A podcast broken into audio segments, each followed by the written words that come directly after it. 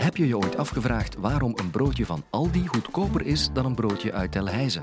Of waarom je meer betaalt voor een Leo-koek dan voor een Olé, ook al is dat in principe dezelfde koek, maar met een andere verpakking? Eigenlijk zijn dat slimme prijsstrategieën van de producent. Hoe dat precies in elkaar zit, hoor je van econoom Tom Kuppes. Waarom kost een Olé-koek minder dan een Leo? Dit is de Universiteit van Vlaanderen.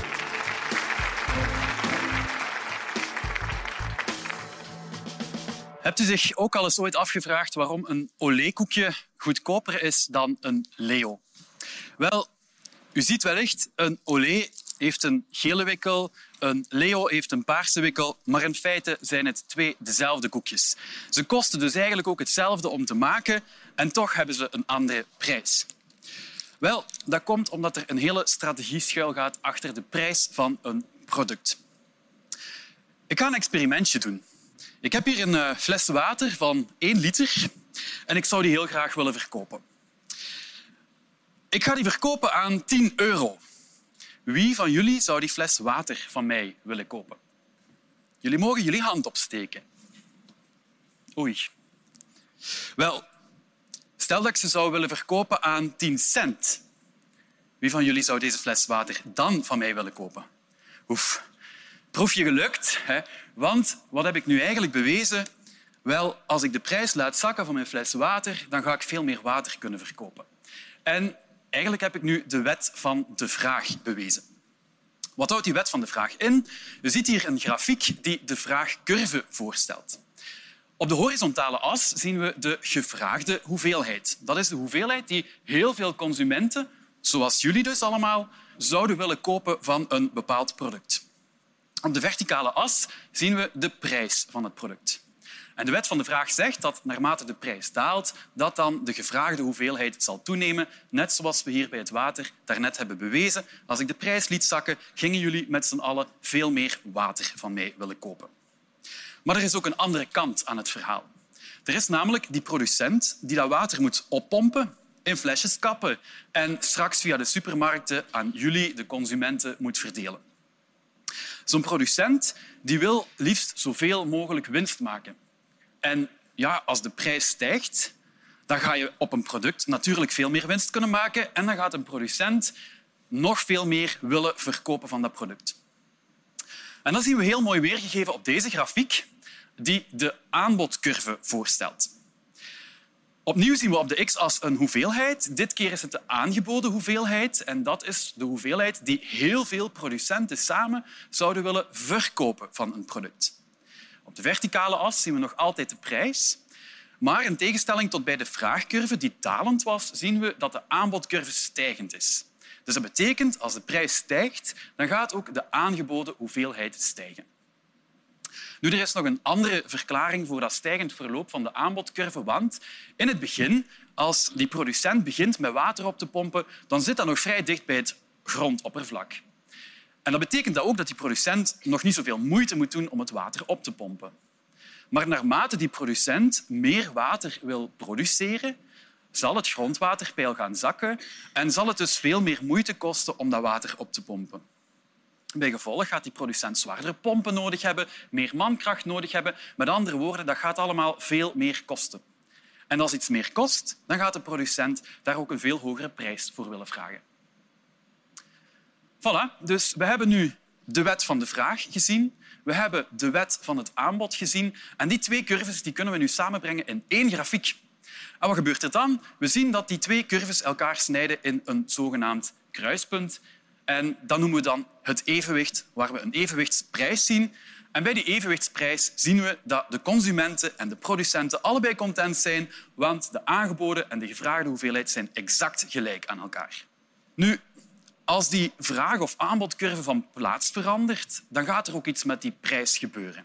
En dat noemen we dan de wetten van vraag en aanbod. Bijvoorbeeld, stel u zich voor dat u in de woestijn bent. Er is heel weinig water aanwezig. Je hebt ontzettende dorst. Het is levensnoodzakelijk um, dat je water koopt. Wel, in dat geval dan zal de prijs van het water doorgaans heel hoog zijn. Terwijl in de supermarkt waar er heel veel water aanwezig is, verschillende smaken, verschillende merken. Je hebt ook keuze om eventueel een cola te drinken of misschien geen water te kopen en thuis gewoon kraantjeswater te drinken? Wel, in dat geval, als er heel veel water aanwezig is, zal de prijs van het water eerder laag zijn. Nu, die wetten van vraag en aanbod, theoretisch gezien, is dat het principe van een vrije, perfect competitieve markt. Zo'n vrije, perfect competitieve markt die bestaat in werkelijkheid eigenlijk niet. Want in plaats van heel veel producenten gebeurt het in sommige markten wel dat we slechts één producent van een bepaald product hebben. Denk maar aan de markt voor medicijnen. In sommige medicijnen is er maar één producent en die producent die weet dan wel dat medicijn dat ik op de markt breng, als er geen concurrenten zijn en daar hangt leven of dood van af, dan kan ik daar heel veel geld voor vragen. En dan zijn er zo van die momenten waarop een overheid zegt nu moet ik het spel van consument en producent, daar moet ik in gaan tussenkomen, want ik moet die consument gaan beschermen tegen te hoge prijzen. Op zo'n moment gaat een overheid een maximumprijs opleggen om ervoor te zorgen dat die consument niet te veel betaalt. We zien dat niet alleen in de markt van medicijnen, maar we zien dat ook bijvoorbeeld in de markt van drinkbaar water, waar een bepaalde basishoeveelheid tegen een maximumprijs verkocht mag worden, maar ook in de markt van brandstoffen om onze huizen te verwarmen. Ook daar geldt een maximumprijs. Nu, die overheid kan soms ook uh, tussenkomen op de markt om een producent te beschermen. In dat geval legt een overheid een minimumprijs op. Dat zien we bijvoorbeeld in de sector van landbouwgewassen.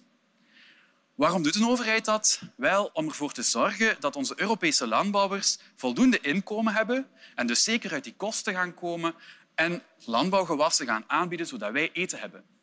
Want als die Europese overheid dat niet zou doen, die minimumprijzen opleggen, wel, dan zouden onze Europese boeren de lippen niet boven water houden en dan zouden veel meer afhankelijk zijn van andere continenten voor ons voedsel, met alle risico's van dien. Voilà. Nu, die wetten van vraag en aanbod, daar wil ik toch wel even naar terugkomen.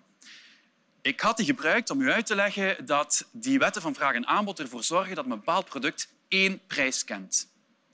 Maar de vraag van vandaag was niet waarom is er één prijs voor een Leo of een Olé. Nee, die twee koekjes die eigenlijk hetzelfde zijn, die kennen twee verschillende prijzen. Die Leo heeft een paarse wikkel, die Olé heeft een gele wikkel en toch is die Olé goedkoper terwijl ze in dezelfde fabriek gemaakt worden. Hoe komt dat nu? Wel, wanneer zo eenzelfde product wordt aangeboden aan twee verschillende prijzen, dan spreken we van prijsdiscriminatie. Wat is nu de verklaring achter prijsdiscriminatie? Wel, we weten al dat een producent zoveel mogelijk winst wil maken. Dan heeft die producent twee opties. Ofwel gaat hij een kleine hoeveelheid aan een hele hoge prijs verkopen en dus een hoge winstmarge hebben. Ofwel gaat hij heel veel eenheden verkopen aan een lage prijs en dus een lage winstmarge hebben. Nu, aan de andere kant is er ook die consument die bereid, die bereid is een bepaalde prijs te betalen. Die prijs die een consument bereid is te betalen, die verschilt van persoon tot persoon en hangt ook af van verschillende factoren. Ik had al uitgelegd dat de hoeveelheid voor een stuk bepaalt welke prijs een consument wil betalen voor een product. Maar daarnaast zijn er nog andere factoren, zoals de prijs van een substituut. Een substituut is eigenlijk een goed dat in dezelfde behoefte voorziet. Ja, wie zou er bijvoorbeeld nog een kristalletje willen drinken als Jupiler plots heel goedkoop wordt? Een andere prijs die mee bepalend is, is de prijs van complementaire goederen. Dat zijn producten die we samen nodig hebben. Wie zou er nog een benzineauto kopen als benzine plots heel duur wordt? Maar ook de smaak bepaalt onze prijs die we willen betalen. Ondanks het feit dat het heel goedkoop is, zijn er toch maar weinig liefhebbers voor een carapils. Andere dingen is het seizoen waarin we iets verkopen. In de zomer kunnen we geen hoge prijs vragen voor kerstartikelen.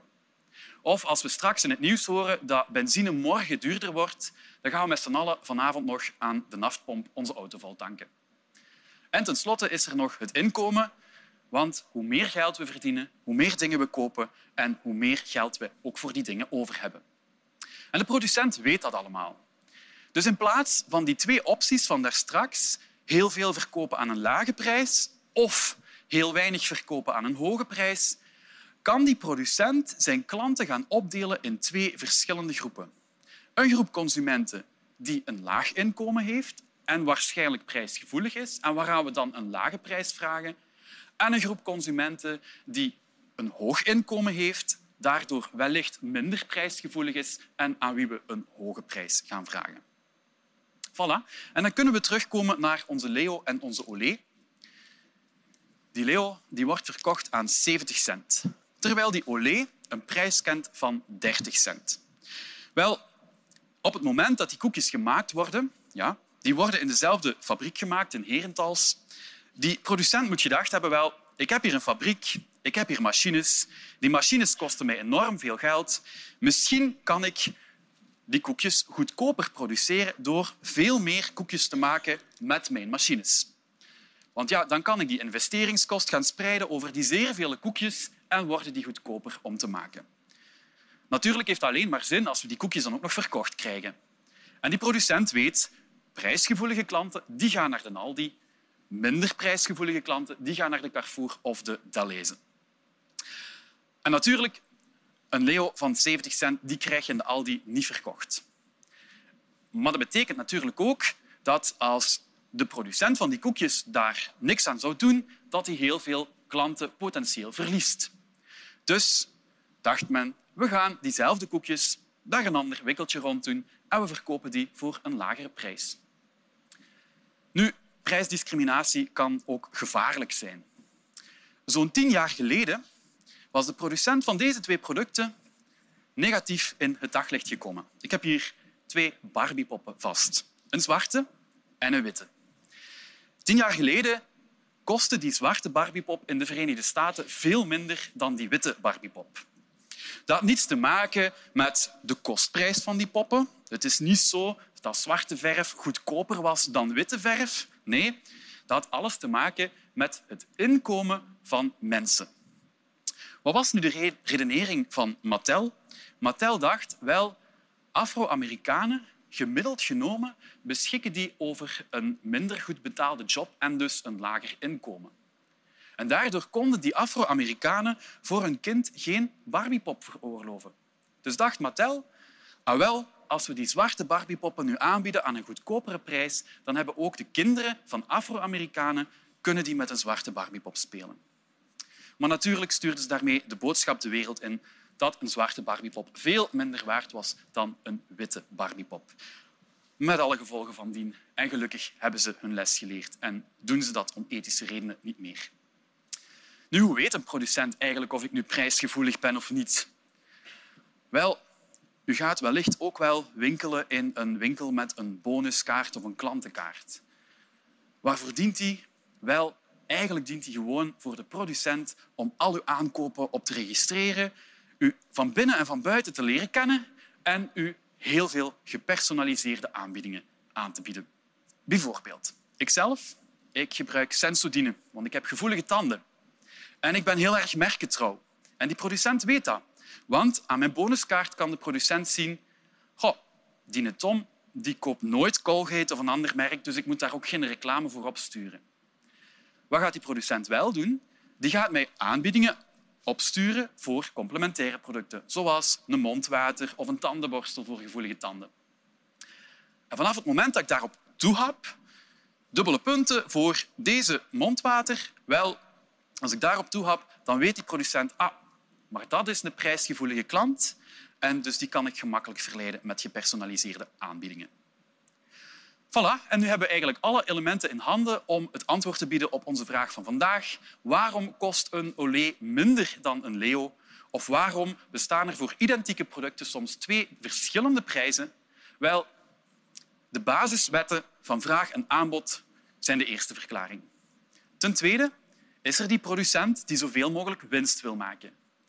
Ten derde is er de consument die een bepaalde prijs wil betalen en die onder andere afhankelijk is van het inkomen. En zo weten we dus waarom dat die producent die Olé-koekjes aan een lage prijs aanbiedt aan prijsgevoelige klanten met een laag inkomen of een gemiddeld lager inkomen en een Leo duurder gaat verkopen aan klanten die eerder minder prijsgevoelig zijn en gemiddeld genomen een hoger inkomen hebben.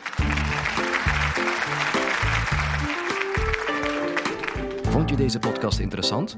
Luister dan zeker ook naar podcast nummer 4. Smaakt je favoriete cola anders in Amerika? Met econoom Piet Pauwels. Of browse door ons archief. We hebben ondertussen al meer dan 200 afleveringen. Voor elk wat wils dus.